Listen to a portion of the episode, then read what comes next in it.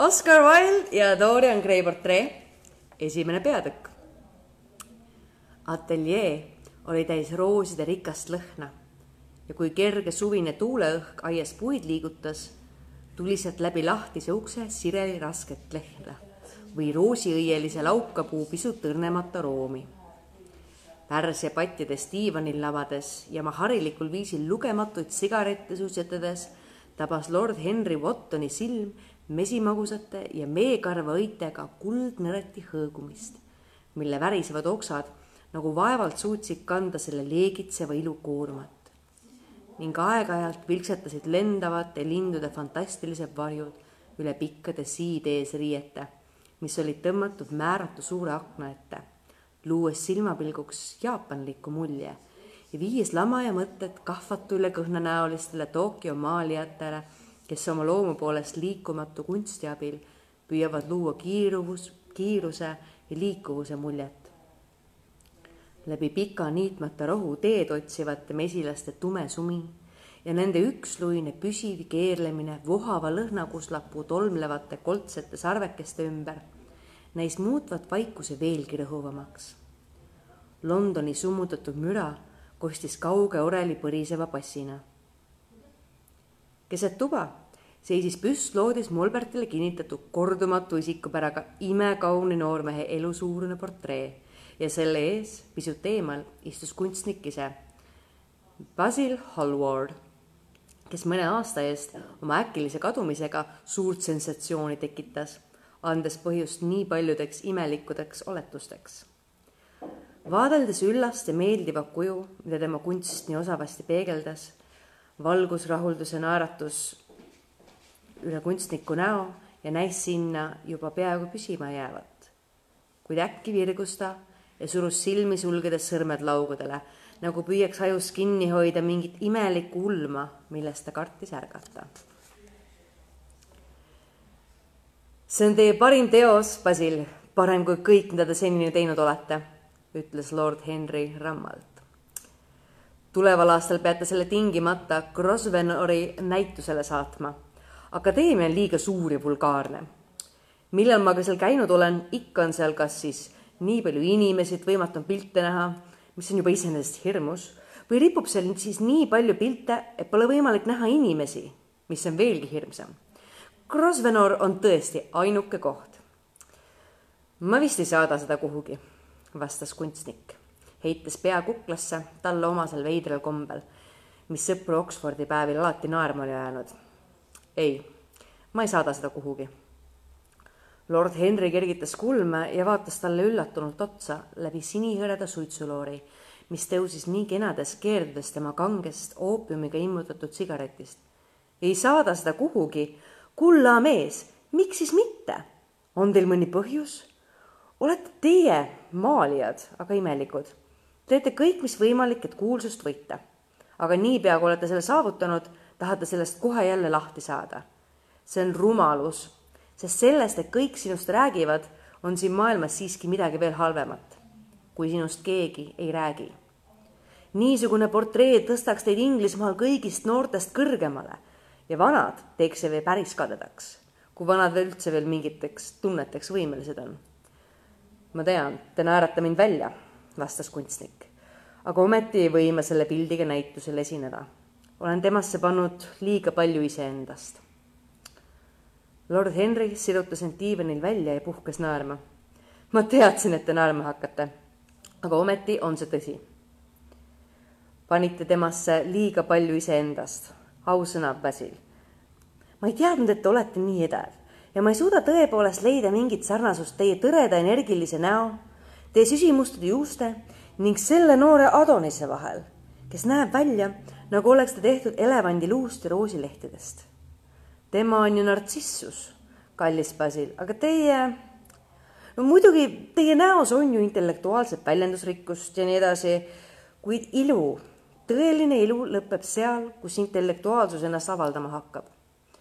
intellekt on juba iseendas teatav liialdus ja hävitab igas näos harmoonia sel silmapilgul, kui inimene istub ja hakkab mõtlema, muutub tervenisti ninaks, tervenisti otsaisiseks, kuidagi võikaks.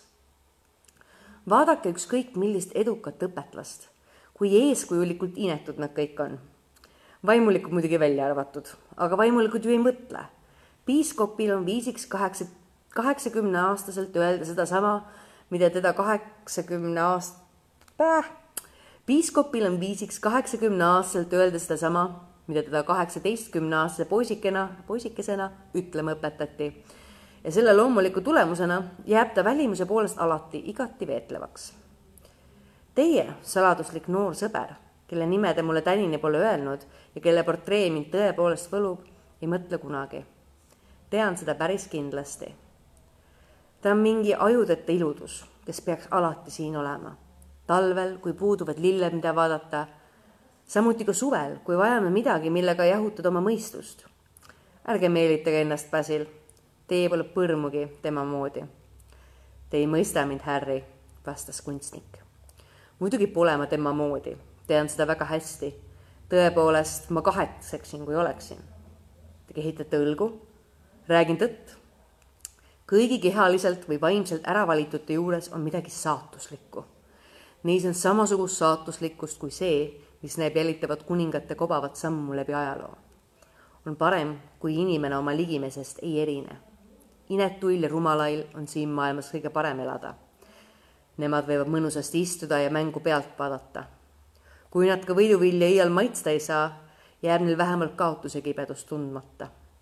Nad elavad, nagu me kõik peaksime elama, segamatult, ükskõikselt, muretult. ei too nad teistele hukatust ega teised neile. kuid teie seisus ja rikkus, Harry, minu mõistus, nagu ta on minu kunst, ükskõik mis see ka väärt on, ja Dorian Gray ilu. meie kõik peame selle eest kannatama, mida Jumal meile on andnud, hirmsasti kannatama. ah, et tema nimi on siis Dorian Gray, küsis lord Henry, astudes läbi ateljee Basil Hallwardi poole. jah, nii see on. mul polnud kavatsust seda teile öelda, aga miks siis mitte? ah, ma ei oska seda seletada kui ma kedagi väga armastan, siis ma ei ütle, siis ei ütle ma kunagi teistele tema nime. sellega annaksin temast nagu osa ära. olen hakanud armastama salapärasust. mulle näib, et see on ainukene asi, mis võib moodsa elu meie jaoks müstiliseks ja imeliseks teha. kõige harilikumgi asi muutub vaimustavaks, kui vaid seda varjata. kui ma linnast ära sõidan, ei ütle ma omastele kunagi, kuhu ma lähen. kui ma seda teeksin ei pakuks ärasõit mulle mingit lõbu. õige, see on rumal komme, aga kuidagi näib see mu ellu rikkalikult romantikat toovat. nüüd peate mind muidugi hirmus narriks. koguni mitte, vastas lord Henry, koguni mitte, armas Basil. Te nähtavasti unustate, et ma olen abielus ja et abielu ainus võlu on see, et see muudab pettuse mõlemale poolele absoluutselt vajalikuks ma ei tea kunagi, kus mu naine on ja tema ei tea kunagi, mida mina teen. teineteist kohates, sest aeg-ajalt ikkagi kohtume, kui üheskoos mõnele õhtusöögile satume või hertsogi juures külas käime, räägime teineteisele kõige tõsisemal ilmse, ilmel kõige absurdsemaid lugusid. minu naine mõistab seda imehästi. tegelikult palju paremini kui mina. ta ei eksi kunagi daatumitega, mina aga alati.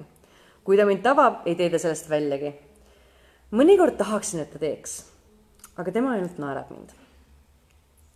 ma ei salli seda, kuidas te tema, kuidas te oma abielust räägite, Harry, ütles Basil Hallward, suundades aeda viiva ukse poole. usun, et te olete väga hea abikaasa, aga te häbenete hirmsasti oma voorusi. Te olete haruldane inimene. Te ei räägi kunagi midagi moraalset ja ei tee kunagi midagi kõlbluse vastast. Teie küünilisus on lihtsalt poos loomulikkus on ikka poos, pealegi üks kõige ärritavamaid poose, mida ma tean, hüüdis lord Henry naerdes. noormehed läksid kahekesi aeda ja istusid pikale bambuspingile, mis seisis kõrgel oorberipõõsa varjus. päikesehelk libises üle läikivate lehtede. rohus värelesid valged karikakled. natukese aja pärast vaatas lord Henry kella. kahjuks pean nüüd minema, Basil, ütles ta aga enne kui ma lähen, jõuan vastust küsimusele, mille teile äsja esitasin. millisele küsimusele, küsis kunstnik ja vaatas maha. Te teate seda väga hästi. ei tea, Harry. noh, siis kordan seda. tahan, et te seletaksite, miks te ei ole nõus Dorian Gray portreed näitusele panema. tahan teada tegelikku põhjust. ütlesin teile tegeliku põhjuse. ei, te ei öelnud.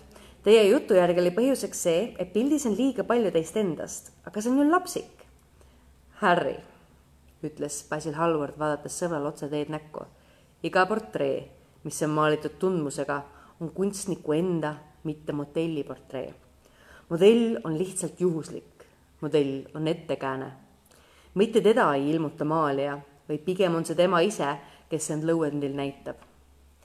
põhjuseks, miks ma seda pilti ei taha näitusele panna, on hirm, et olen temas avaldanud oma hinge saladuse. lord Henry hakkas naerma.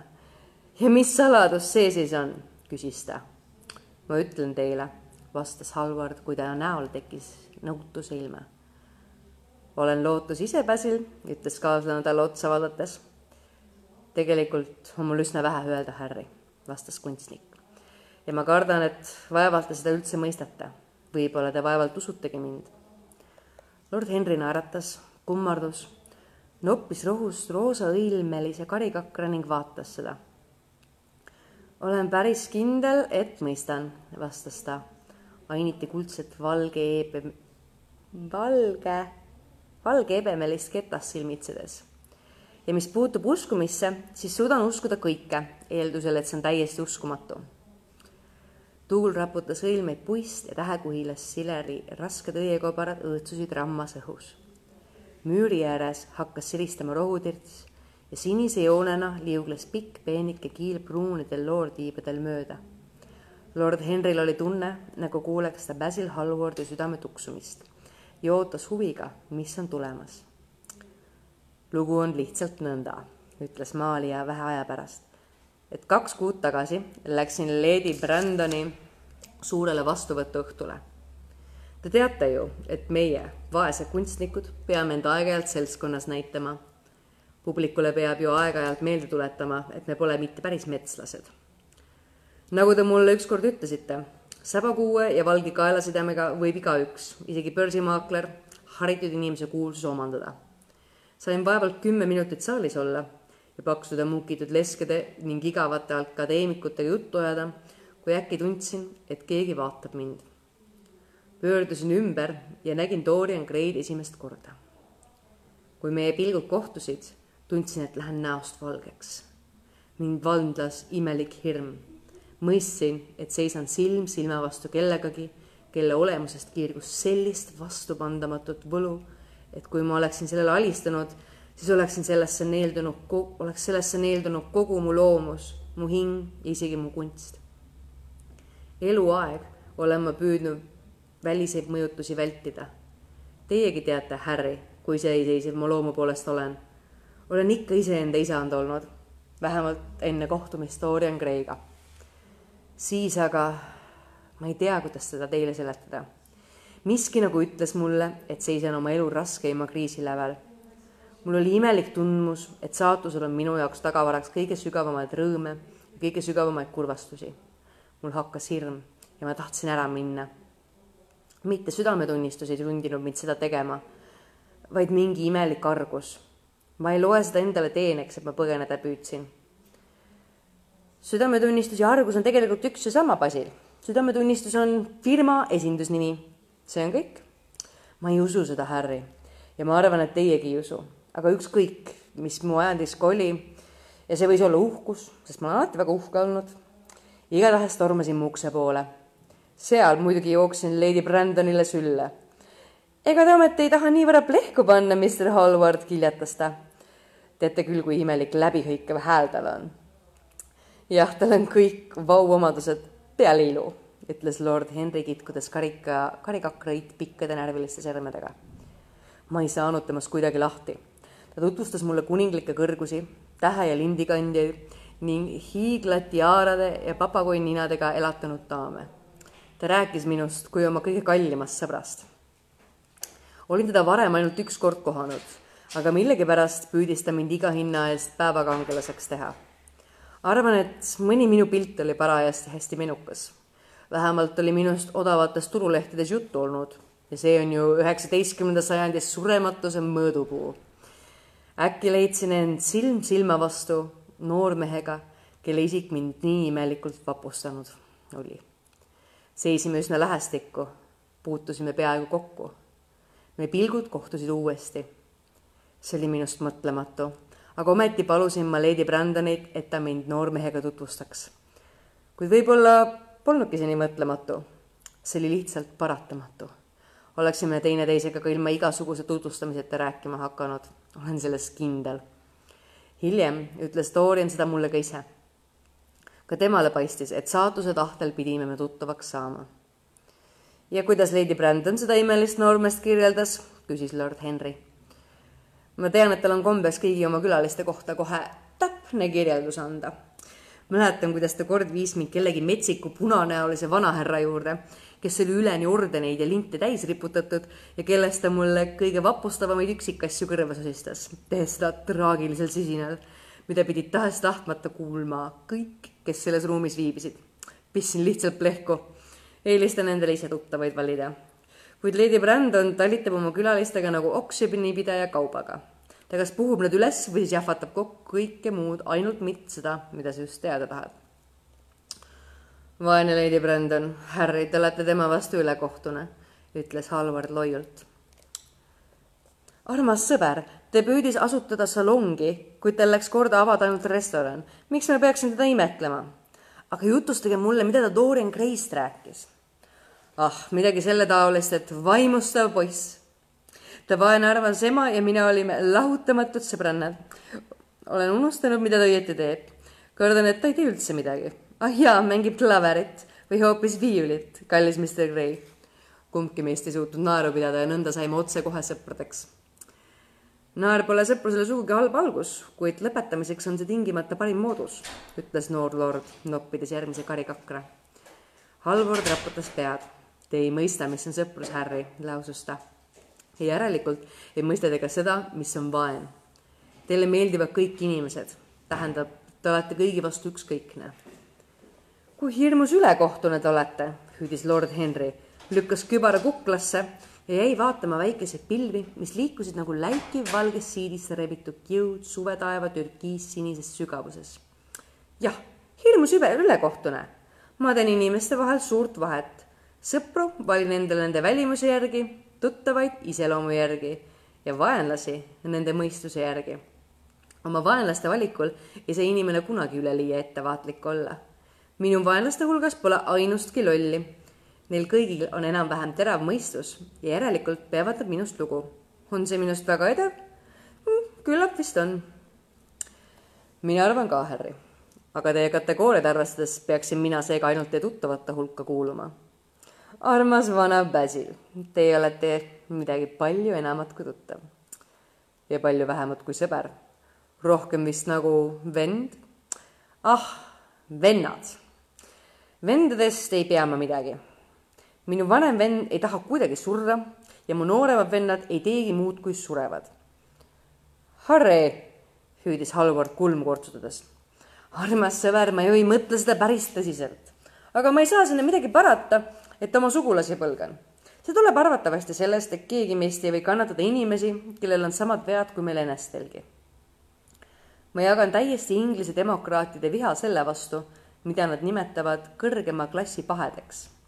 rahvahulgad tunnevad, et joomine, rumalus ja kõlbusetus peaksid olema vaid nende monopol ja et kui mõni nende hulgas segadusi teeb, rikub ta sellega nende ainuõigust. kui vaene Southwark astus abielulahutuse kohtuses, abielulahutuse kohtusse, oli rahvahulkade põlgus lihtsalt võrratu ja ometi ei usu ma, et kümme protsentigi prole-, proletariaadist elaks korralikku elu ma ei nõustu teie ainsagi sõn-, ainsagi teie sõnaga, veel enam, Harry, ma tunnen, et ka teie ise mitte. Lord Henry selitas oma teravat pruuni habet ja toksis hõbenupulise eebeni puust kepiga oma lakksaapa nina. Olete väga inglaslik, Basil. Te ütlete seda juba teist korda. kui keegi esitab tõelisele inglasele mingi idee, mis igatahes on üks ennatlik tegu siis ei tule viimasel uneski pähe arutada, kas see idee on õige või väär. ainuke, millele ta mõnevõrra tähtsust annab, on see, kas idee esitaja ise sellesse usub või mitte. kuid idee väärtus ei sõltu põrmugi sellest, kas selle idee väljendaja ise seda tõsiselt võtab või ei. Tegelikult on tõenäoline, et mida ebasiiram on idee väljendaja, seda mõistuslikum on idee, sest niisugusel korral ei varjenda seda tema enda ajendid, soovid ja eelarvamused. kuid ma ei taha teiega poliitiliste, ühiskondlike ja metafüüsiliste küsimuste üle vaidlema hakata. ma armastan inimesi rohkem kui põhimõtteid ja põhimõtete inimesi rohkem kui midagi muud siin ilmas. rääkige mulle veel, Mr Dorian Gray'st, kui te tihti te temaga kohtute? Iga päev. ma oleksin õnnetu, kui ma teda iga päev ei näeks. ta on mulle absoluutselt vajalik. kummaline arvasin, et teid huvitab ainult teie kunst. tema, tema ongi praegu kogu minu kunst, ütles kunstnik tõsiselt. vahel mõtlen, Harry, et maailma ajaloos on ainult kaks ajajärku, millel vähegi tähtsust on. esimene on uue kunstilise väljendusvahendi ilmumine ja teine uue isiksuse ilmumine kunstis. Dorian Gray nägu omandab minu elus kord veel niisama suure tähtsuse kui õlimaali leiutamine Veneetsias ja Antinousi nägu hiliskreeka raidkunstis. mitte ainult, et ma teda maalin, joonistan ja skitseerin. muidugi olen ma kõike seda teinud, aga ta on mulle palju rohkem kui ainult modell. ma ei taha öelda, nagu poleks ma sellega rahul, kuidas ma teda olen kujutanud või nagu oleks tema ilu midagi niisugust, mida kunst ei suuda väljendada. Pole olemas midagi, mida kunst väljendada ei suuda ja ma tean, et teosed, mida ma olen loonud pärast tutvumist Dorian Gray'ga, on head teosed, minu elu parimad tööd. kuid imelikul kombel, ma ei tea küll, kas te mind mõistate, tema isik on minus äratanud sootuks uue kunstitõu, sootuks uue kunstistiili. ma näen asju teisiti, ma mõtlen neist teisiti. Ma ammutan nüüd ainet elust, mis oli varasemalt minu eest varjatud. unistus vormist mõtete päevil, kelle sõnad need on, olen unustanud. kuid just seda mulle on olnud Dorian Gray, ainuüksi selle poisi nähtav lähedalolu, sest ta on minu meelest vaevalt rohkem kui poiss, kui ta tegelikult on juba üle kahekümne. juba ainuüksi ta nähtav juuresolu, ah, kahtlen, kas te suudate taibata, mida see kõik tähendab. Ebateadlikult määrab ta mulle mingi uue koolkonna sihtjooned, milles kogu romantilise vaimu kirg peab ühinema ehtkreekaliku vaimutäiusega, hinge ja keha kooskõla. kui võimas see on!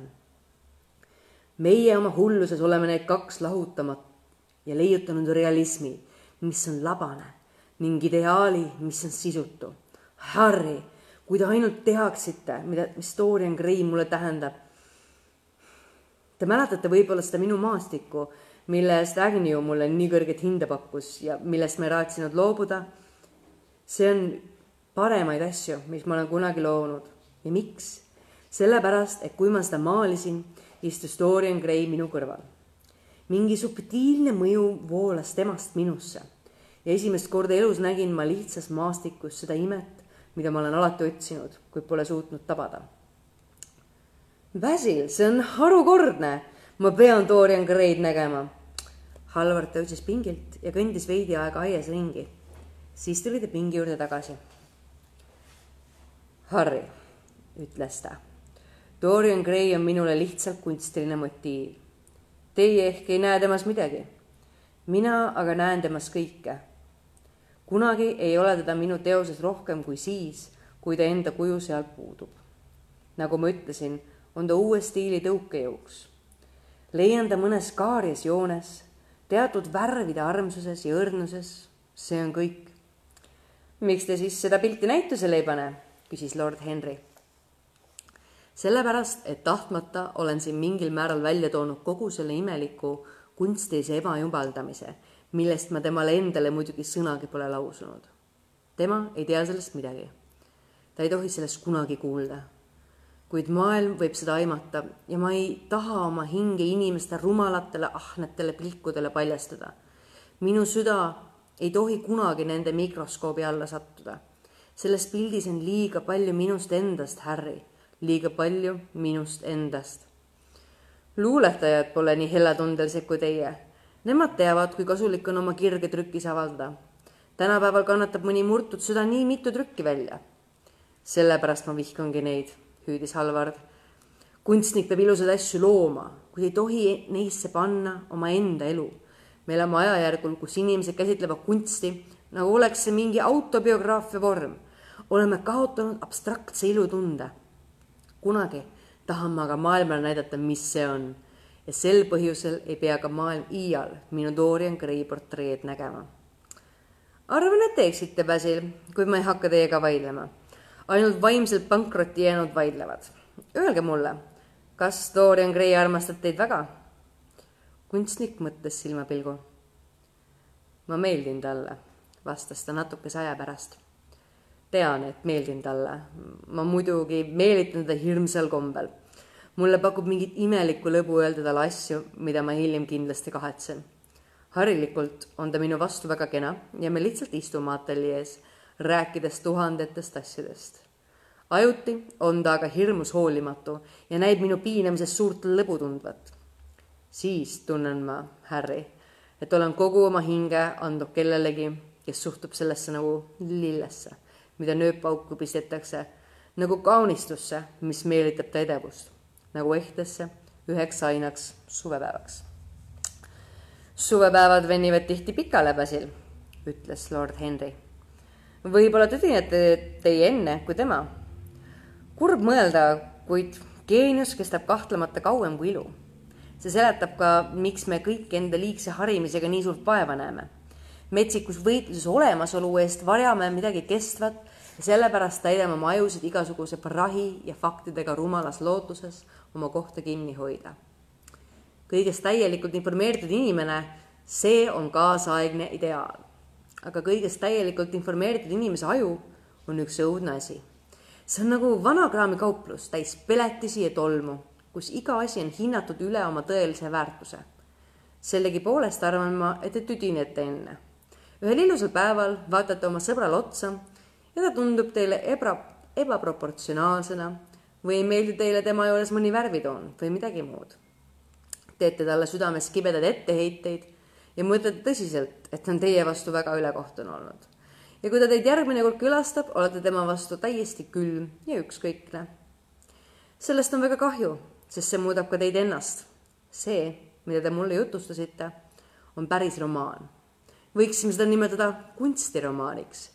ja kõige halvem mis tahes romaani läbielamisel on see, et lõppedes teeb see sind nii ebaromantiliseks. Harry, ärge rääkige nii. Seni, kui ma elan, valitseb minu üle Dorian Gray isik. Teie ei oska tunda seda, mida tunnen mina. Te muutute liiga sageli. ah, kallis Basil, sellepärast ma just oskangi seda tunda. Need, kes on truud, tunnevad ainult armastuse igapäevast külge. just nimelt truudusetud tunnevad armastuse tragöödiaid. ja lord Henry tõmbas tiku kena hõbedoosi peal põlema ning hakkas ise teabal ja rahuloleval ilmel sigaretti suitsetama, nagu oleks ta maailma ainsasse lausesse kokku võtnud. luuderohu läikivate lehtede rohelusest kostis varblaste siutsumist ja sabinad sinised pilvevarjud ajasid üksteist üle rohu taga nagu pääsukesed. kui mõnus oli siin aias ja kui imelised olid teiste inimeste tundmused. talle näis, et palju imelisemad kui nende ideed.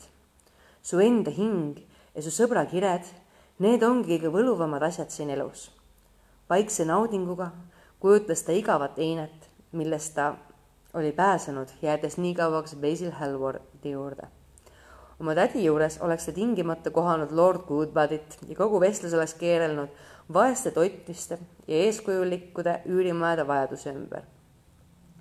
iga klass oleks jutustanud nende vooruste tähtsust, mille järgimiseks tema liikmetel tarvidust ei ole rikas oleks rääkinud kokkuhoiu tähtsusest ja laisk oleks teinud ilusaid sõnu töö auväärsusest.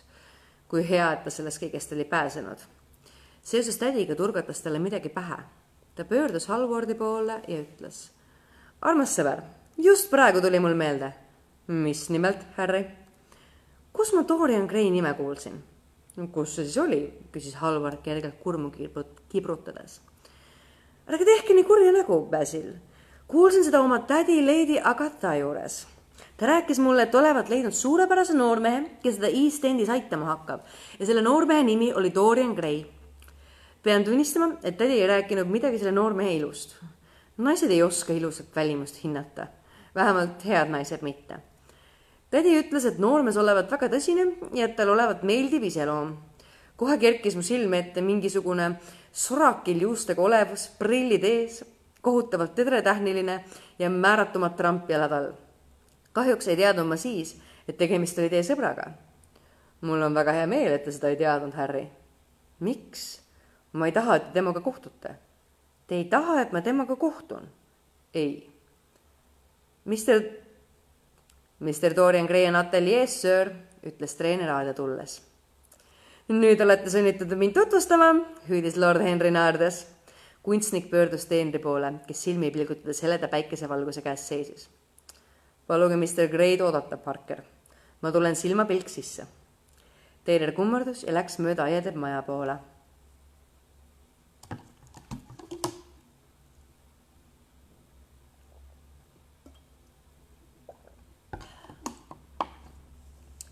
nüüd vaatas kunstnik lord Henryle otsa. Dorian Gray on minu kõige kallim sõber, ütles ta. ta on oma olemuselt lihtne ja kena. Teie tädil on täiesti õigus, kui ta temast nõnda rääkis. ärge rikkuge teda, ärge püüdke teda mõjutada, teie mõju oleks halb. maailm on avar ja temas on palju suurepäraseid inimesi. ärge võtke minult seda ainukest inimest, kes annab minu kunstile kogu võlu, mis tal iganes on. minu kui kunstniku elu oleneb temast pidage seda meeles, Harry, usaldan teid. ta rääkis väga pikkamisi ja sõnad näisid vastu ta enda tahtmist üle tule, huulte tulevat. Mis lollust te räägite, ütles lord Henry naeratades, võttis Halvardilt käe alt kinni ja vedas ta peaaegu väevõimuga majja. teine peatükk. sisse astudes nägid nad Dorian Gray'd. ta istus klaveri ees seljaga tulijate poole ja lehitses Schumanni metsapiltide albumit Te peate mulle selle laenama, Basil, hüüdis ta. tahaksin neid mängima õppida, need on haruldaselt ilusad. See oleneb täiesti sellest, kuidas te täna istute, Dorian. ma olen istumisest tüdinud ja ma ei taha endast mingit elu suurust pilti, vastas poiss pahura tujukusega klaveriistmelt virru lüües. lord Henrit märgates tõusis ta silmapilguks kerge punapalgesse ja ta kargas püsti. palun vabandust, Basil, aga ma, ma ei teadnud, et teil on külaline see on lord Henry Wotton, Dorian, minu vanasõber Oxfordi päevilt. Just praegu jutustasin talle, missugune suurepärane modell te olete ja nüüd te rikkusite kõik ära. minu rõõmu teiega tutvuda ta siiski ei rikkunud, Mr Gray ütles lord Henry lähemale astudes ja kätt sirutades. mu tädi on teist mulle sageli rääkinud, olete te üks tema lemmikuid ja ma kardan, et üks tema ohvreid praegusel silmapilgul seisan ma Lady Agatha juures mustas nimekirjas, vastas Dorian kelmikalt kahetseval pilgul. Lubasin temaga möödunud teisipäeval kuhugi Whitechapeli klubisse minna, aga see läks mul ausalt täiesti meelest ära. pidime seal kahekesi juht duetti mängima, vist koguni kolme duetti. ei tea, mida ta nüüd mulle ütleb, kardan nii hirmsasti, et ei julge talle enam küllagi minna. küll ma teid oma tädiga ära lepitan, ta on teisse väga kiindunud ja ma ei usu, et teie puudumisel oleks tegelikult suuremat tähtsust olnud kuulajad vistitsi arvasid, et see oligi duett. kui tädi Agatha klaveri taha istub, teeb ta seal kahe inimese eest täiesti piisavalt müra. see on teie tädi suhtes lausa kohutav ja minu suhtes ka just mitte väga kena, vastas Dorian naerdes. lord Henry vaatas teda. jah, ta oli oma kaunilt kaarduvate punaste huulte, avameelsete siniste silmade ja krässuskuldsete juustega tõesti imeilus tema näos oli midagi, mis juba esimesest silmapilgust usaldust äratas. Temas oli nooruse siirust, samuti nagu nooruse kirglikku puhtustki. tundus, et ta oli hoidnud end maailmast rüvetamata. Polnud ime, et Basil Hallward teda jumaldas.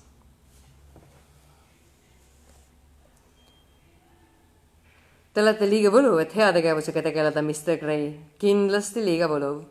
ja lord Henry istus diivanile ning avas sigaretidoosi kunstnik oli ametis värvide segamise ja pentslite korraldamisega. Ta näis mures olevat ja kuuldes lord Henry viimast märkust, vaatas ta korraks tema poole, kõhkles silmapilgu ja ütles siis. Harry, ma tahan täna oma pildi lõpetada. on see ehk teie arvates hirmus viisakuseta, kui palun teid lahkuda? lord Henry naeratas ja vaatas Dorian Gray'le otsa. pean ma minema, Mr Gray? küsis ta. oh ei, palun ärge minge, lord Henry ma näen, et Basil on järjekordselt sünges meeleolus ja ma ei talu neid tema tusatujusid. pealegi tahaksin ma kuulda, miks ma heategevusega tegeleda ei tohi. ma ei tea, kas ma seda üldse teile ütlengi, Mr Gray. see on nii tüütu kõneaine, et sellest võiks ainult tõsiselt rääkida. kuid kindlasti ei jookse ma nüüd kuhugi, sest te ju palusite mind siia jääda. ega teilgi tegelikult midagi selle vastu pole, Basil olete mulle sageli öelnud, et teile meeldib, kui leidub keegi, kellega teie teil saab lobiseda. Halvard hammustas huult. kui Dorian seda soovib, siis peate muidugi jääma. Doriani tujud on seaduseks kõigile peale tema enda. lord Henry võttis kübara ja kindad. Te käite küll peale, et ma siia jääksin, Basil, kuid kahjuks pean ma siiski minema. lubasin ühe mehega Orleansis kokku saada. head päeva, Mr Gray tulge mind mõnel õhtupoolikul Curzon Streetile vaatama. kella viie paiku olen enamasti ikka kodus. teatage oma tulevikust, teatage oma tulekust kirjalikult. oleks väga kahju, kui te mind kodult ei leiaks. Basil, hüüdis Dorian Gray. kui lord Henry Wotton minema läheb, siis lähen ka mina. Te ei tee ju suudki lahti, kui te maalite ja on hirmus igav seista poodiumil ning katsuda head nägu teha.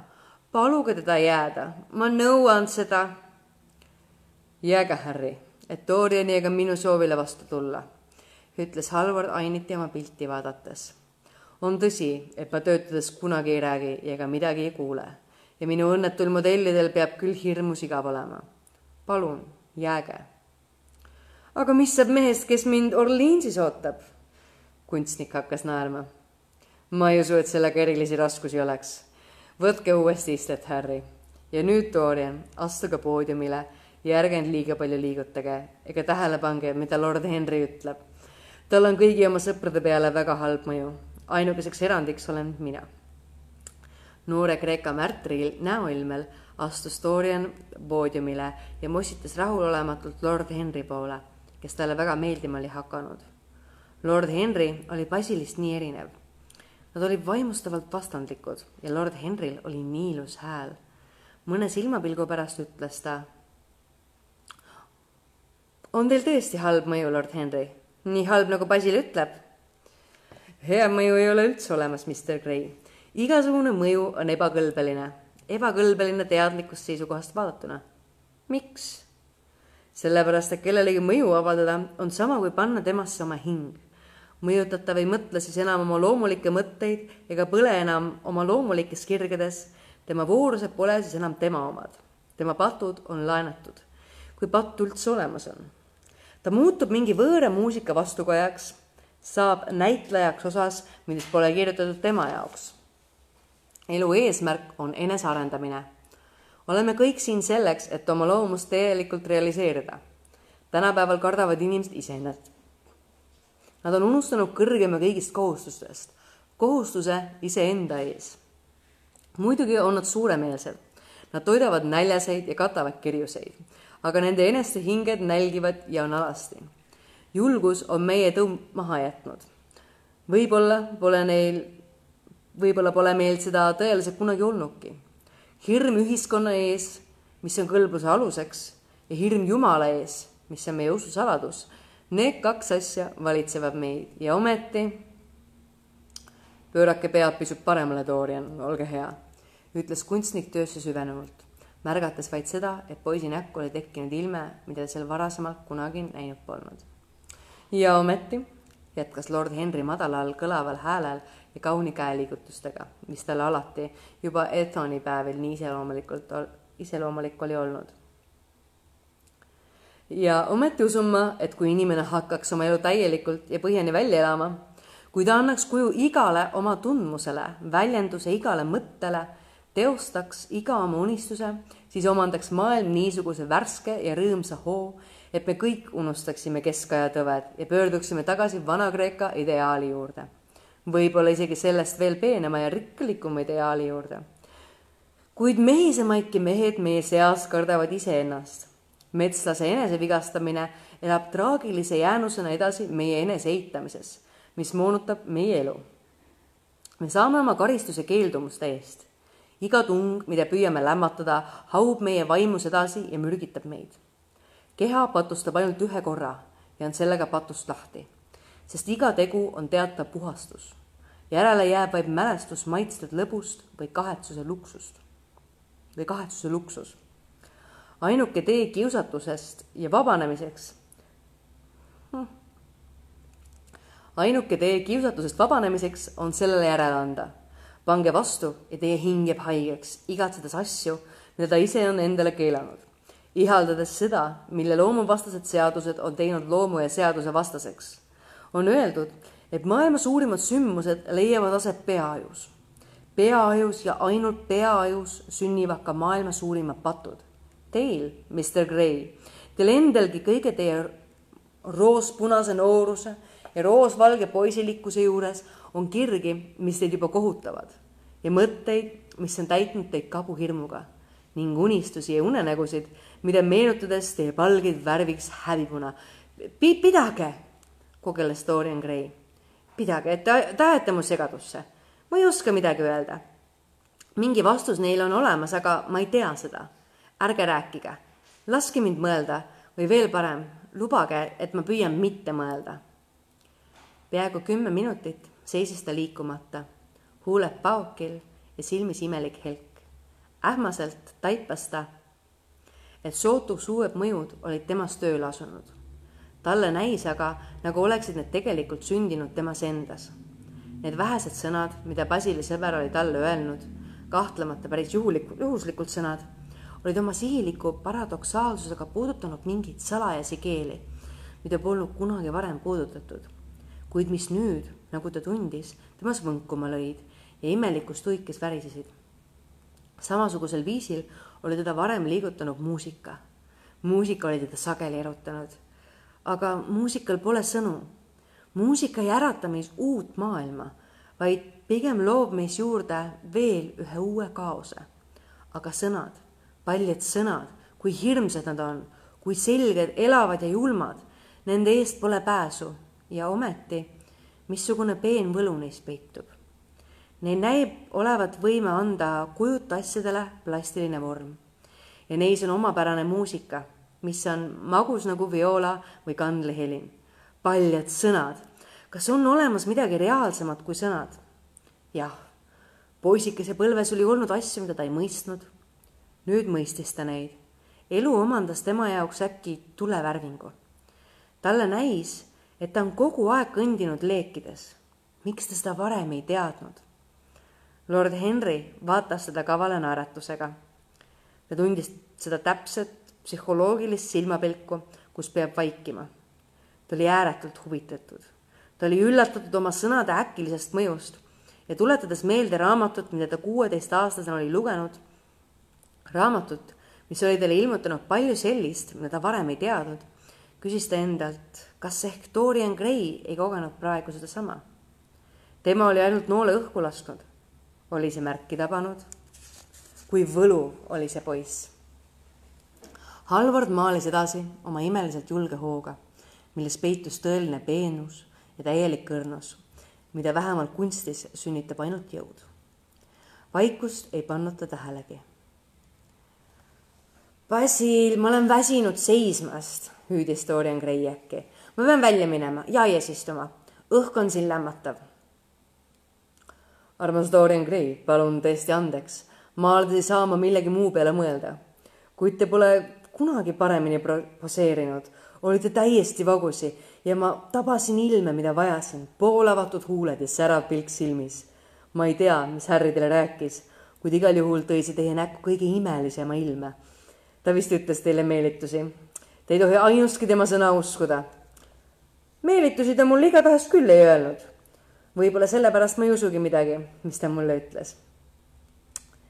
küllap te juba usute ütles lord Henry talle unistaval ja raugel pilgul otsa vaadates. ma tulen teiega koos aeda, ateljees on kole palav. Basil, laske meile midagi külma juua anda, midagi maasikatega. muidugi, Harry, helistage ja kui Parker tuleb, ütlen talle, mida tahate. Ma maalin veel selle tagapõhja plaani läbi ja tulen siis teile järele.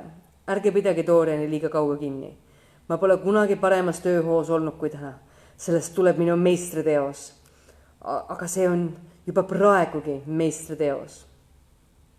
aeda minnes märkas lord Henry Dorian Gray'd, kes oli näo suurde jahedasse sirelikobarasse peitnud ja jõi kirglikult selle lõhna nagu veini. ta astus noormehe juurde ja pani talle käe õlale. Olete üsna õigel teel, sosistas ta. hinge saavad ravida ainult meeled, nagu meeli ravib ainult hing. noormees võpatas ja tõmbus tagasi. ta oli pall ja päi ning segi ajanud nende kuldsed kiud. noormehe silmis helkis hirm nagu inimesel, keda äkki unest äratatakse ta peenelt voolitud sõrmed värisesid ja mingi varjatud närv tuksatas punavai suultes ning pani need põlelema. jah, jätkas lord Henry, see on üks elu suurimaid saladusi, ravida hinge meelte ja meeli hinge abil. Teie olete imeline olevus, teate rohkem, kui ise arvad, teadvat ja teate vähem, kui teada tahate. Dorian Gray kribut-, kibrutas kulmu ja pööras näo kõrvale tahes-tahtmata meeldis talle see pikk elegantne noor mees, kes seisis tema kõrval. tema romantiline oliivikarva nägu ja väsinud ilme huvitasid teda. Tema madalas rammas hääles oli midagi vastupandamatult köitvat. isegi ta külmadel valgetel lilleõrnadel kätel oli imelikku võlu. kui ta rääkis, liikusid need nagu muusika ja neil näis olevat oma keel. kuid Dorian tundis tema ees hirmu ja häbenes seda miks pidi see olema just keegi võõras, kes avas talle ta enda saladuse? Basil Hallwardi tundis Dorian juba mitu kuud, kuid see sõprus polnud teda muutnud. äkki aga nüüd satub talle põiki teele keegi, kes talle justkui ilmutab ta elu saladuse. mis seal õieti karta, ta pole ju koolipoiss või tütarlaps. mõttetu kartus. Lähme istume varju, ütles lord Henry Parker tõi meile juua ja kui te kauemaks päikese kätte jääte, rikute oma näovärvi ning Basil ei maali teid enam kunagi. Te ei tohi mingil juhul pruuniks päevitada, see ei läheks teile. Mis sellest siis oleks? hüüdis Dorian Gray naerdes ja võttis aia kaugemas osas istet. Teie puhul tähendaks see väga palju, Mr Gray. miks? sellepärast, et te olete praegu veel oma veetlevaimas nooruseas ja noorus on ainus asi, mida on väärt omada. ma ei taju seda, lord Henry. ei, praegu te seda ei taju. kunagi, kui olete vana, kortsus ja inetu, kui mõte on surunud oma jooned teie otsaesisele ja kired on kõrvetanud teie huuljama võika leegiga, siis tajute seda äkki kohkumusega. praegu aga võlutan maailma, ükskõik kuhu te ka lähete. jääb see alati nõnda? Teil on imeilus nägu, Mr Gray. ärge kortsutage kulmu see on tõesti nii. ja ilu on üks geeniuse vorme. muidugi on ta geeniusest kõrgem, sest et ta ei vaja mingit seletust. ta on üks maailma suuri tõdesid, nagu päikesepaiste, kevad või selle hõbedase merekarbi peegeldus tumedas vees, mida nimetame kuuks. temast pole küsitavusi.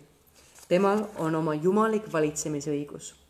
ta ühendab luuleks need, kes teda omavad. Te naeratate ah, kui te ta kord kaotate, siis ei naerata te enam. sagedasti öeldakse, et ilu olevat pinnaline. võib-olla on see nii, aga vähemalt pole ta nii pinnaline kui mõte. minule on ilu imede ime. ainult pealiskaudsed inimesed ei otsusta välimuse järgi. maailma tõeline müsteerium on nähtav, mitte nähtamatu. jah, Mr Gray jumalad on olnud teile armulised, aga mida jumalad annavad, selle võtavad nad ruttu tagasi. Teil on ainult mõni aasta aega, mil võite elada tõeliselt, täielikult, sisurikkalt. Koos noorusega kaob ka teie ilu ja siis märkate äkki, et elul pole teie jaoks enam uhkeid võite või peate siis rahulduma nende tühiste võitudega, mis teie mineviku mälestuse valgusel tunduvad kibedamad kui kaotused. iga kahanev kuu lähendab teid millelegi kohutavale aeg on teile kade ja peab sõda teie liiljate ja rooside vastu. Te koltute, teie palged langevad auku, silm läheb töntsiks. Te kannatate hirmsasti. ah, kasutage oma noorust, kuniks ta teil on. ärge raisake oma päevade kulda, kuulates neid väiklasi hingi, kes püüavad lappida oma lootusetut nurjangut või pillates oma elu neile, kes on rumalad, madalad ja vulgaarsed Need kuulutavad teid meie ajastu haiglasi eesmärke, valeideid. elage, elage seda imelist elu, mis teis on. ärge laske midagi endast mööda minna. Otsige vahepidamata uusi elamusi, ärge kartke midagi. uus hedonism, see ongi see, mida meie aastasada vajab. võiksite olla tema nähtav võrdkuju. Teie olete niisugune isiksus, kellele miski pole võimatu. üheks hooajaks kuulub maailm teile meie kohtumise silmapilgul nägin, et te pole sellest üldse teadlik, mis te tõeliselt olete ja mis te tõeliselt olla võiksite. Kuna teis oli nii palju seda, mis mind võlus, siis tundsin, et pean teile rääkima midagi teist endast. mõistsin, kui traagiline see oleks, kui te kaotsi läheksite, sest teie noorus kestab nii üürikest aega, nii üürikest aega. lilled nurmedel närtsivad, aga nad õitsevad uuesti kuldnõreti on järgmine aasta, järgmise aasta juunis niisama kollane kui praegu. kuu aja pärast puhkevad elulõngal purpurpunased tähed ja aasta aasta järel kannatab lehtede roheline öö ikka jälle oma purpurpunaseid tähti. ent meie ei saa oma noorust tagasi. rõõmutuige, mis lööb meist kahekümneselt, loidub. meie liikmed muutuvad jõuetuks. meie meeled nürinevad me mandume võikaiks nukkudeks, keda kummitavad mälestused kirgedest, mille ees me liigset hirmu tundsime ja haruldased kiusatused, millele me ei ole julgenud anduda. noorus, noorus, maailmas ei ole midagi muud kui vaid noorus. Dorian Gray kuulas silmad imestusest pärani. sireljoks langes ta käest sõmerale. karvane mesilane tuli ja sumises silmapilguks selle ümber siis hakkas ta ronima tillukeste õite ovaalsel tähisel keral. noormees vaatles mesilast selle erilise huviga, mida tunneme tühiste asjade vastu, kui tähtsad asjad meid kohutavad või kui meid erutab mõni uus tundmus, millele me ei leia väljendust või kui mõni hirmutav mõte äkki valutab meie aju ja sunnib meid alistuma. natukese aja pärast lendas mesilane minema. noormees nägi teda ronivat tüüruse kassitappu tähnilisse õiekarikasse võis neist võpatavat ja hõljus siis tasakesi edasi-tagasi. äkki ilmus kunstnik ateljee ukse vahele ja kutus, kutsus neid kiirete viibetega majja tagasi. Nad vahetasid pilke ja naeratasid. ma ootan, hüüdis Halvard. tulge sisse, valgus on praegu haruldane ja te võite oma klaasid kaasa võtta. Nad tõusid ja hakkasid koosmööda aiateed tagasi lonkima. kaks rohelise valge kirjut liblikat lendles neist mööda ja aianurgas pirnipuul hakkas laulma rästas. kas olete rahul, et mind kohtasite, Mr Gray? ütles lord Henry oma kaaslase poole vaadates. Jah, praegu olen ma rahul. tahaksin ainult teada, kas ma ka edaspidi alati selle üle rõõmustan. alati, see on hirmus sõna, sajab mulle judinad peale. naised armastavad seda kangesti kasutada. Nad rikuvad ära iga romaani, püüdes seda igavesti kestma panna pealegi on see mõttetu sõna. ainus erinevus üürikese kapriisi elupikkuse kire vahel on see, et kapriis kestab pisut kauem. Ateljeesse astudes pani Dorian Gray käe lord Henry käsivarale. sel juhul olgu meie sõprus ainult kapriis, lausus ta iseenda julgus, julgusest punastades, astus siis poodiumis ja võttis jälle endise asendi. Lord Henry laskus avarasse korvtooli ja vaatles noormeest. vaikust segasid ainult pintsletõmbed ja löögid. Lõuendil või siis taganes Halvard aeg-ajalt paari sammu võrra, et oma tööd kaugemalt vaadata. längus päikesekiirtes, mis lahtisest uksest sisse voogasid, tantsis kuldne tolm. kõigel tundus lasuvat rooside laske lõhn. umbes veerand tunni pärast jättis Halvard maalimise, silmitses tükk aega Dorian Gray'd ja siis tükk aega pilti sealjuures suure pintslivart närides ja kulmu kotsutades. Ta on täiesti valmis, hüüdis ta lõpuks ja kummardus, et suurte punaste tähtedega lõuendi vasakusse nurka oma nime kirjutada. lord Henry astus lähemale ja uuris pilti. see oli tõepoolest haruldane kunstiteos ja sealjuures imeliselt sarnane. armas sõber, soovin teile südamest õnne, ütles ta. see on nüüdisaja parim portree Mr Gray, tulge vaadake ise ka. poiss võpatas, nagu oleks unenäost äratatud. On see tõesti valmis? pomises ta poodiumilt maha astudes. täiesti valmis, kinnitas kunstnik ja te poseerisite täna suurepäraselt. ma olen teile väga tänulik. see on puhtalt minu teene, ütles lord Henry vahele. eks ole, Mr Gray? Dorian ei vastanud, vaid läks sõnatult pildi ette ja vaatas seda. maali nähes tõmbus ta tagasi ja silmapilguks tõusis ta palgesse heameelepuna. Silmadesse ilmus rõõmuhelk, nagu näeks ta end esimest korda. ta seisis liikumatult ja täis imestust, udusalt aimates, et Halvard räägib temaga, kuid taipamata sõnade mõtet. omaenda ilutunnetus valdas teda nagu ilmutus. ta polnud seda kunagi varem tajunud. Basil Halvardi meelitussõnad olid tundunud ainult sõpruses öeldud ilusate liialdustena ta oli neid kuulanud, nende üle naernud, nad unustanud. Need ei olnud ta loomust mõjutanud. siis aga tuli lord Henry Wotton oma imeliku nooruse kiidulauluga, oma hirmsa hoiatusega nooruse kaduvusest. see oli teda erutanud ja nüüd iseenda ilu varju vaadeldes taipas ta äkki kogu jutu tegelikku sisu. jah, kord tuleb päev, kus ta nägu on kipras ja kortsus, silmad tuhmid ja värvita, nõtke keha vaevatud ja moondunud. kord kaob puna ta huulilt ja kuld järg, kuld põgeneb tema juustelt. elu, mis arendab ta hinge, hävitab ta keha. ta muutub hirmsaks, võikaks ja kohmakaks